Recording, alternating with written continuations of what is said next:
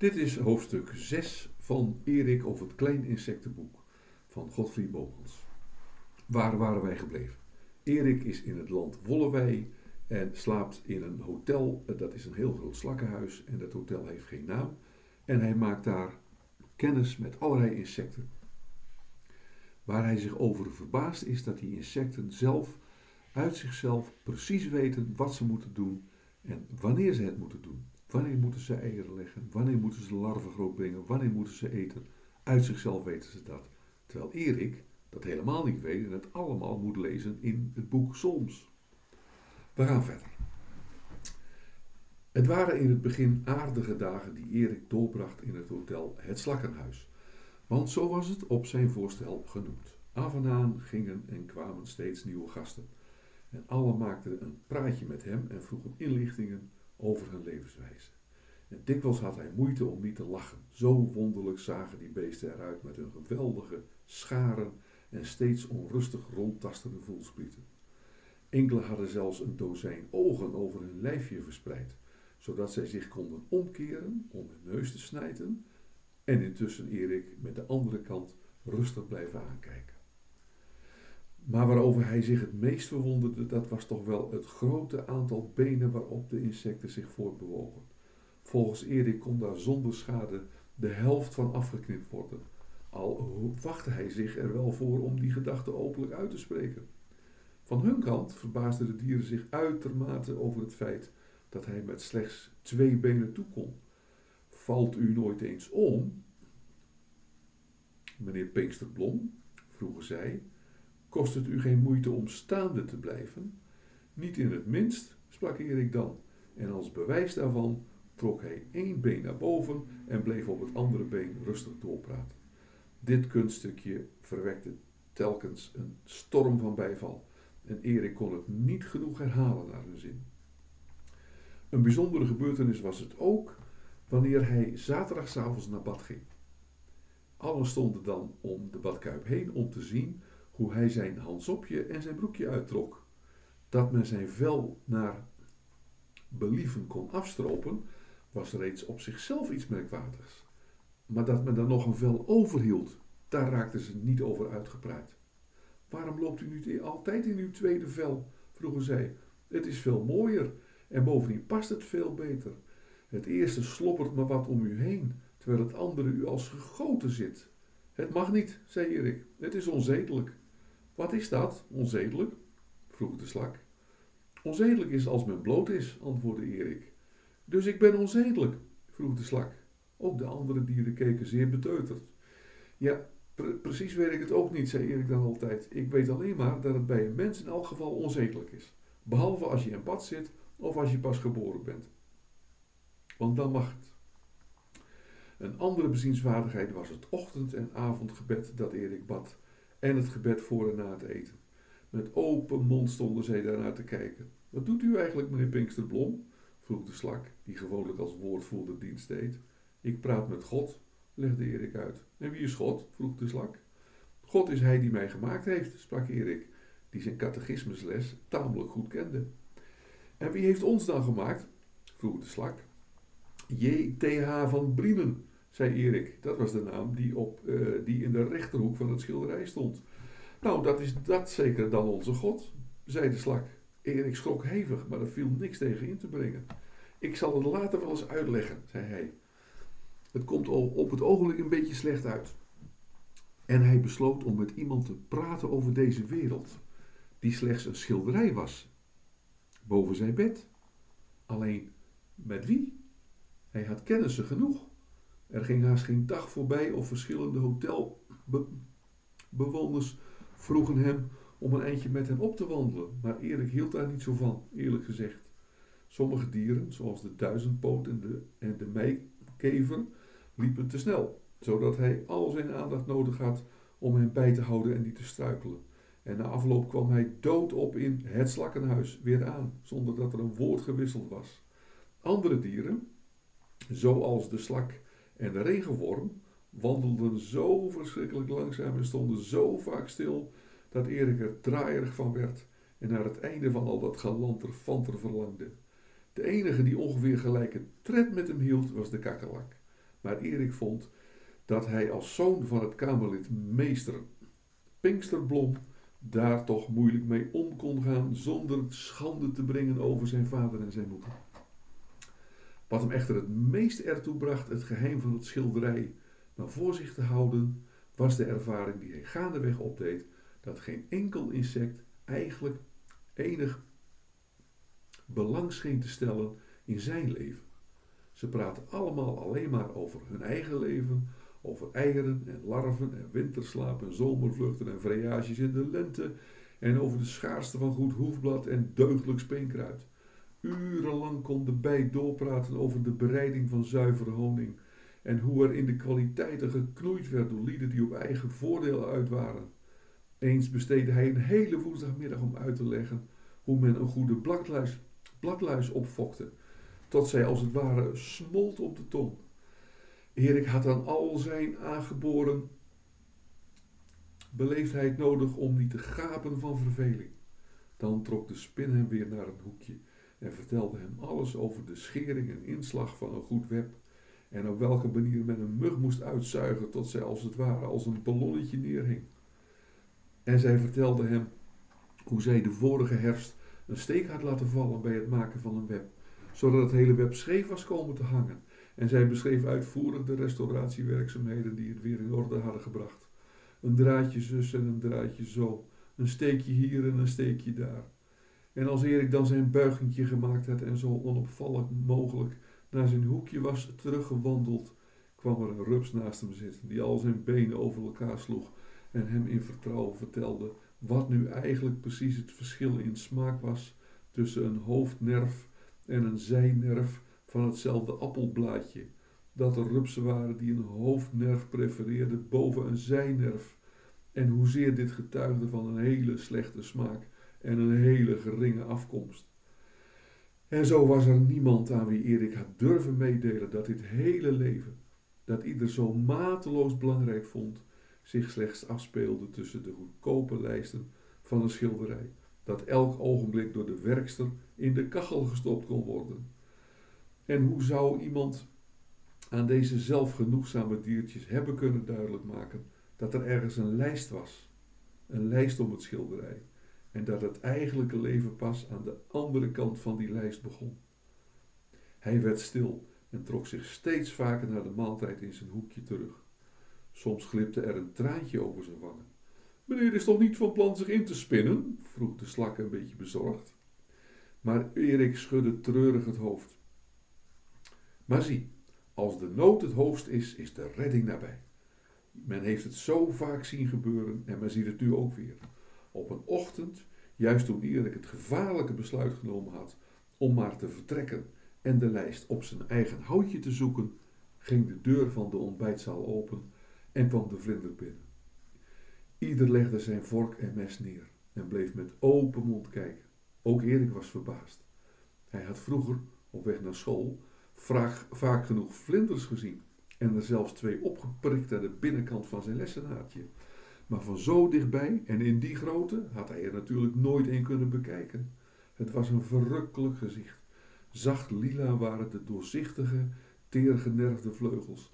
En in het midden van elk van die vleugels vlamde een purperen pauwenoog, zo diep van gloed dat het leek alsof ze leefden en zelfstandig rondkeken. Er liepen kreuken en vouwen over, als waren zij zo, als waren, als waren wij, als waren zij zo pas ontplooid. En ook de vlinder scheen zelf scheen erg jong. Zij stond hoog en rank op de poten en keek met haar grote vochtige ogen oneindig verbaasd in het rond. Zo, zo, kijk, kijk, riep de slak eindelijk. Daar hebben we onze oude rups. Acht dagen en negen nachten heeft u erover gedaan. En kunt u betalen? De vlinder ritselde zacht met haar vleugels. Ik weet niet wat u bedoelt, sprak zij verlegen. Ik werd zojuist wakker in een klein kamertje en kom nu hier naartoe om inlichtingen. Zou u ook kunnen zeggen waar ik ben? Dat is het toppunt, riep de slak en zijn stem sloeg over. Zou u ook kunnen zeggen waar ik ben? Veertien dagen heeft de slampamper mijn beste kool opgegeten en nog een volle week mijn mooiste kamer bezet. Maar ik neem het niet. Je zult betalen, vriend. Schreeuw nu niet zo, sprak Erik snel naderbij komend. De vlinder kon het toch ook niet helpen dat zij een rups geweest is? Het, het stond bij soms en het moest gebeuren. Ik heb met soms helemaal niks te maken, riep de slak. Ik moet mijn geld hebben. U hebt ook niet veel oog voor de wonderen van de natuur, meende Erik boos, maar u zult uw geld krijgen hoor, alstublieft. En hij scheurde het hele eerste hoofdstuk uit van Schicksal der Gegenwart, dat is dat boek van de Hommel, en gooide het als een prop naar de slak toe. Dat is wat anders, sprak deze. Uh, ik vraag u wel excuus, dat is, uh, dat is de pensioenprijs die u betaalt. De vlinder kwam naderbij en boog haar fijne voelsprieten sierlijk voor Erik omlaag. Wat er nu precies aan de hand is, weet ik niet, sprak zij, maar ik geloof dat ik u heel dankbaar moet zijn. Oh nee, zei Erik verlegen, er zijn nog zoveel hoofdstukken over, maar ik ben blij dat ik u heb kunnen helpen. En ik ben ook heel blij dat het goed afgelopen is. U hebt er precies zoveel dagen over gedaan als moest. Waarover eigenlijk? vroeg de vlinder schuchter. Erik legde haar naar beste vermogen uit wat er met haar gebeurd was. Ja, juffrouw, voegde de kever er aan toe, u stond hier niet als meneer Pinksterblom niet gezegd had dat we er vanaf moesten blijven. En hij likte zich de lippen af. De vlinder keerde zich nu met haar grote glanzende ogen naar Erik en keek hem onafgewend aan. Waarom deed u dit alles voor mij?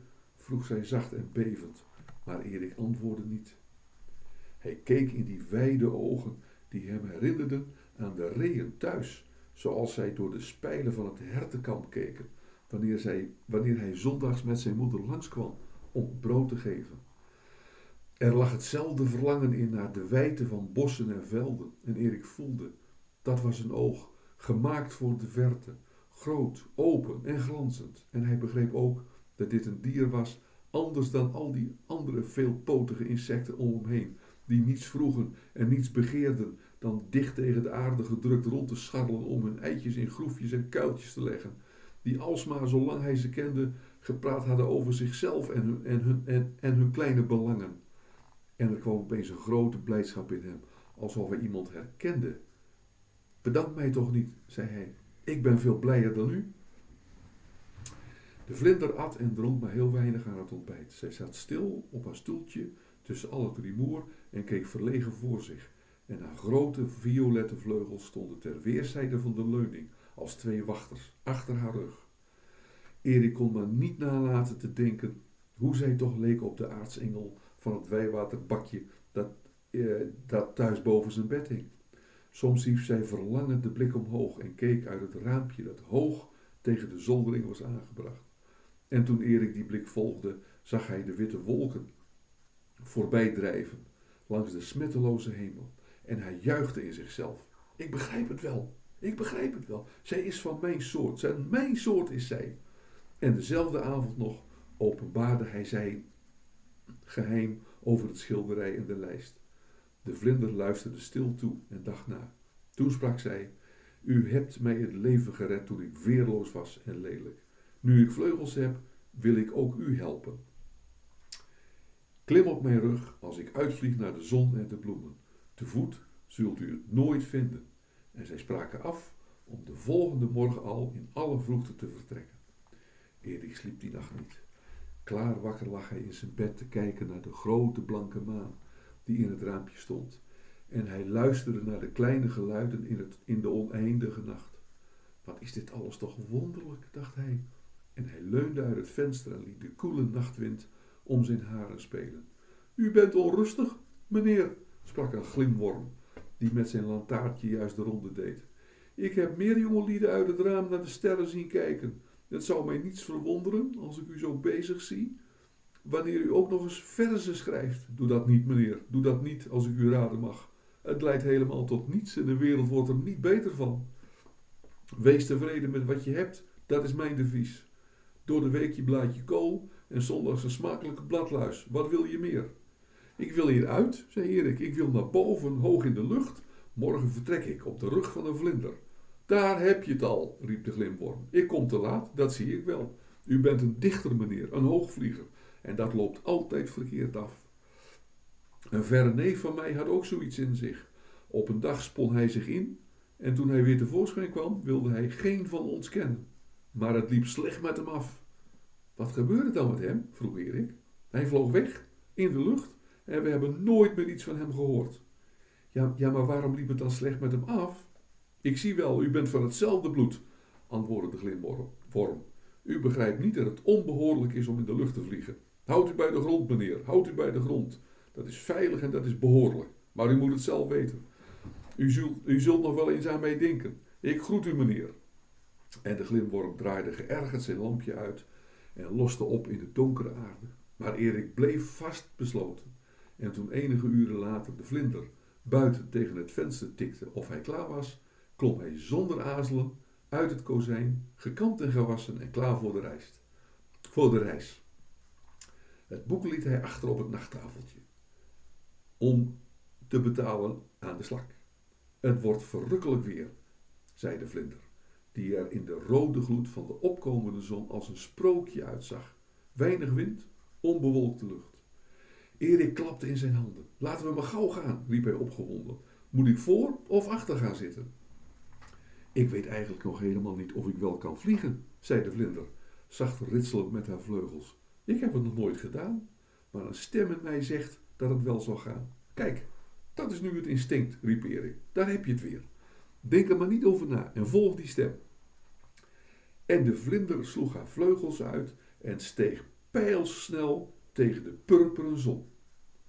Het gaat goed, schreeuwde Erik, die op een hoefblad was geklommen en met zijn hand boven zijn ogen de proeflicht volgde, vlucht volgde. Nu naar rechts, mooi, en nu naar links, en nog meer, heel goed, dalen. De vlinder daalde precies voor zijn voeten neer. Het ging prachtig, prees Erik, terwijl hij tussen de, tussen de beide vleugels kroop. U bent een volleerd vlieger. Het is toch maar prettig als je een instinct hebt. Zullen we maar gaan? Zegt u maar welke kant op, zei de vlinder. U bent er vandaan gekomen, dus u weet ook hoe, we er weer, hoe, hoe u er weer heen moet. Was dat maar waar, zuchtte Erik.